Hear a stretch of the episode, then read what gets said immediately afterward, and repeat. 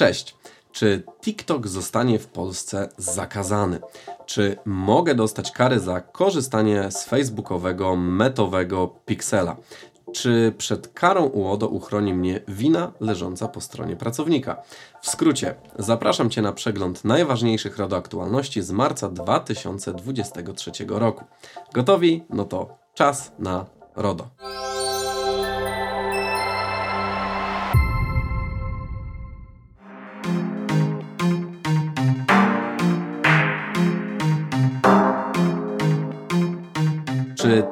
Zostanie w Polsce zakazany? Hmm. Póki co droga do tego jeszcze daleka. Ale czy na pewno tak daleka? Na początku marca 2023 roku Komisja Europejska zakazała korzystania z TikToka swoim pracownikom. Podobne decyzje podjęte zostały też w Stanach Zjednoczonych i Kanadzie, na Łotwie i wielu innych krajach. Teraz dołączyła do nich również Francja. Dlaczego? Przyczyną bana na TikToka jest zagrożenie przekazywaniem danych chińskiemu rządowi. Jak wiadomo, TikTok jest chińską aplikacją, więc teoretycznie może być coś na rzeczy. Co na takie zarzuty polskie władze? Póki co nic. Polskie Ministerstwo Spraw Wewnętrznych oświadczyło, że nie planuje żadnych zmian w komunikacji poprzez media społecznościowe. Ani w TikToku, ani Facebooku, ani Instagramie, ani Twitterze. Pan Janusz Cieszyński, sekretarz stanu do spraw cyfryzacji w kancelarii prezesa Rady Ministrów, zasugerował nawet, że decyzje Unii Europejskiej mają podłoże polityczne. A kiedy chcemy powiedzieć, że coś jest potencjalnie niebezpieczne, powinniśmy mieć dobre dowody. Pan Janusz Cieszyński potwierdził też, że Polska zwróciła się do Komisji Europejskiej o przedstawienie twardych, technicznych powodów uzasadniających blokadę TikToka wśród unijnych urzędników. Czyli póki co przyszłość TikToka w Polsce jest w miarę bezpieczna, zarówno dla użytkowników korzystających z tej platformy dla celów rozrywkowych, jak i dla firm, dla których TikTok jest potężnym narzędziem marketingowym. Ale nie znamy dnia i godziny, kiedy i u nas TikTok znajdzie się na cenzurowanym. Dlatego, jeśli Twoja organizacja planuje duże inwestycje w tę platformę, zastanów się dwa razy. I na pewno weź pod uwagę potencjalne ryzyko blokady TikToka również w Polsce. Przynajmniej blokady częściowej, na przykład dla pracowników administracji publicznej.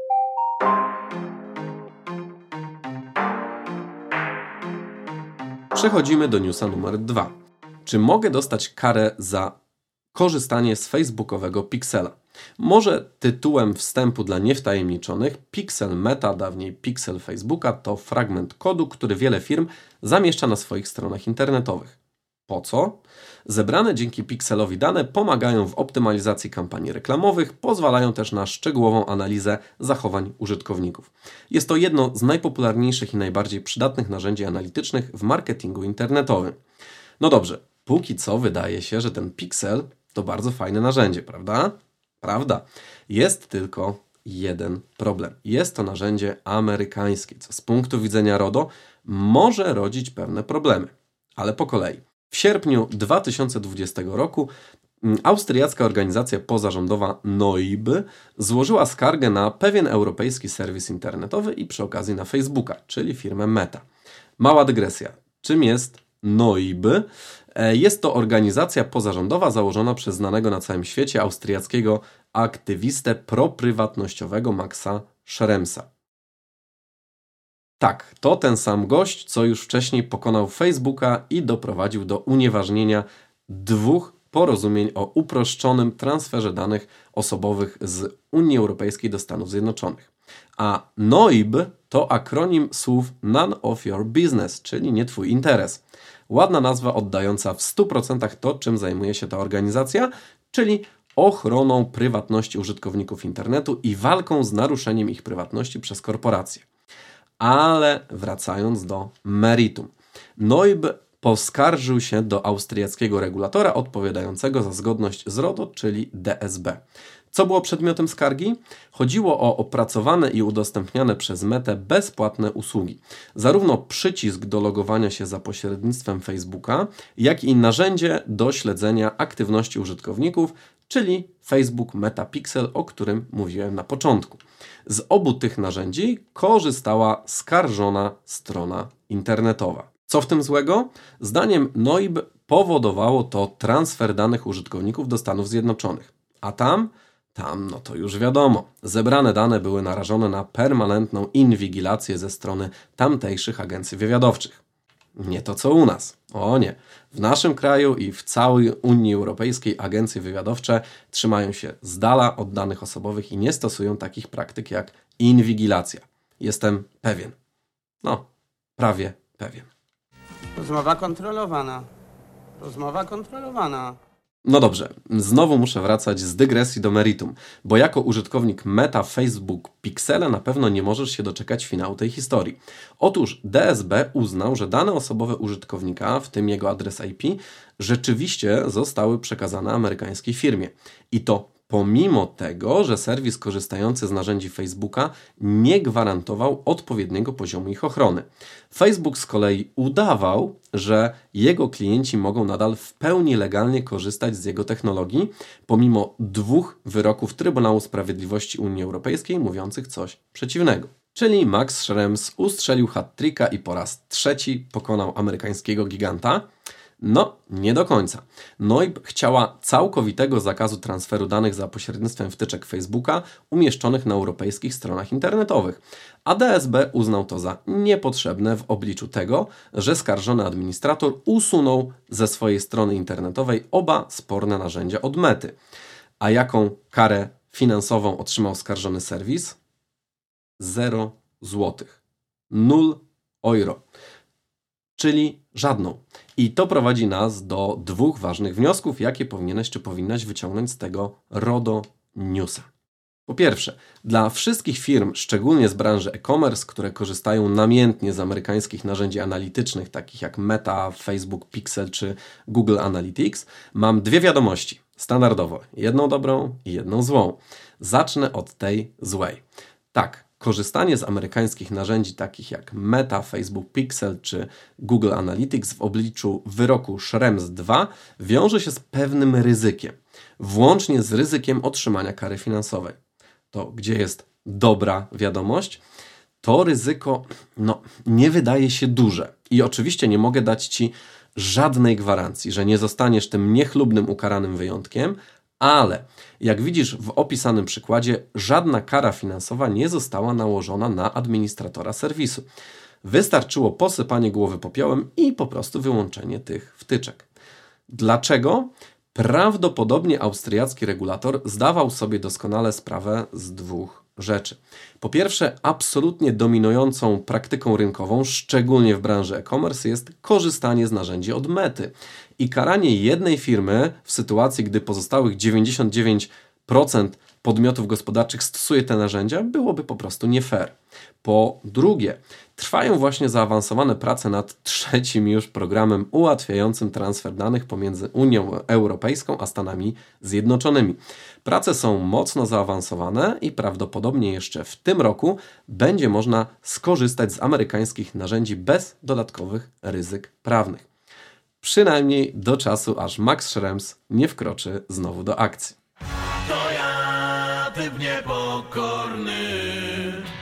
Nie ukrywam, że liczę na to, że do trzech razy sztuka i kolejny program ułatwiający transfer danych do USA będzie już Shremso odporny. Nie, to był Shift i Shift? Przechodzimy do newsa numer 3. Czy przed karą UODO uchroni mnie wina leżąca po stronie pracownika? Zanim odpowiem Ci na to pytanie, krótkie wprowadzenie. Urząd Ochrony Danych Osobowych nałożył na właściciela marki Play karę w wysokości aż 100 tysięcy złotych.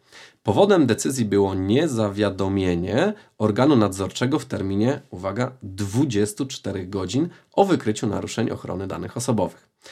Wszystkich tych, którzy poczuli się właśnie trochę skonfundowani, uspokajam. Standardowym terminem na zgłaszanie naruszeń ochrony danych do regulatora są 72 godziny, czyli 3 doby.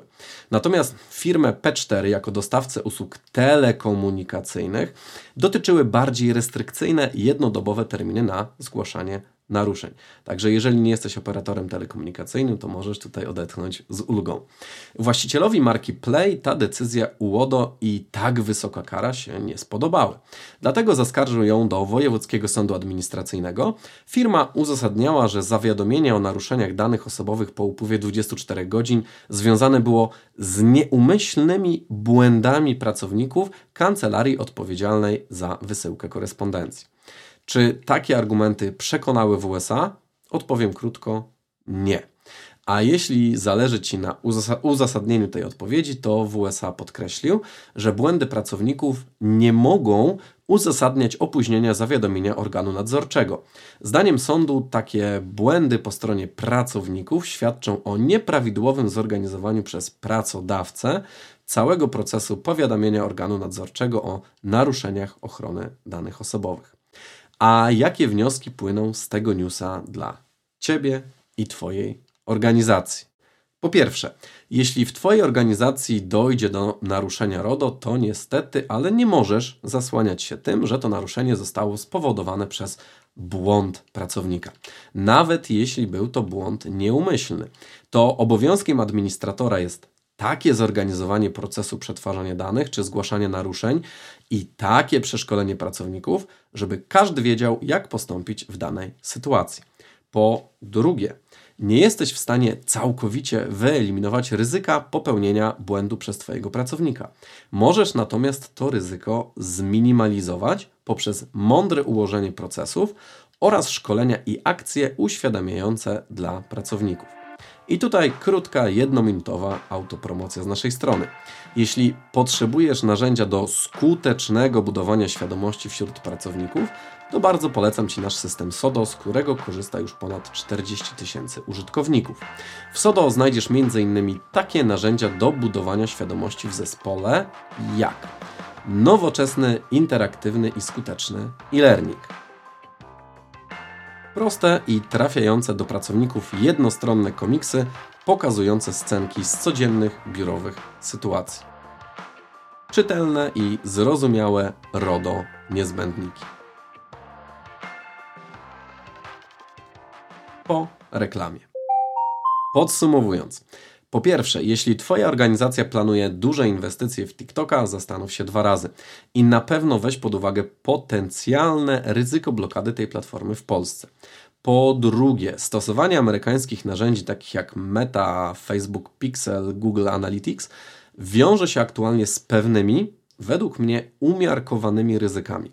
Twojej ocenie pozostawiam bilans zysków i strat. Przeanalizuj, czy biznesowe korzyści z korzystania z tych narzędzi przeważają nad tymi ryzykami.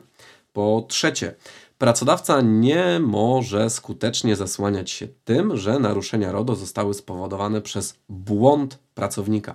Obowiązkiem administratora jest takie zorganizowanie procesu przetwarzania danych i takie przeszkolenie pracowników, żeby każdy wiedział, jak postąpić w danej sytuacji.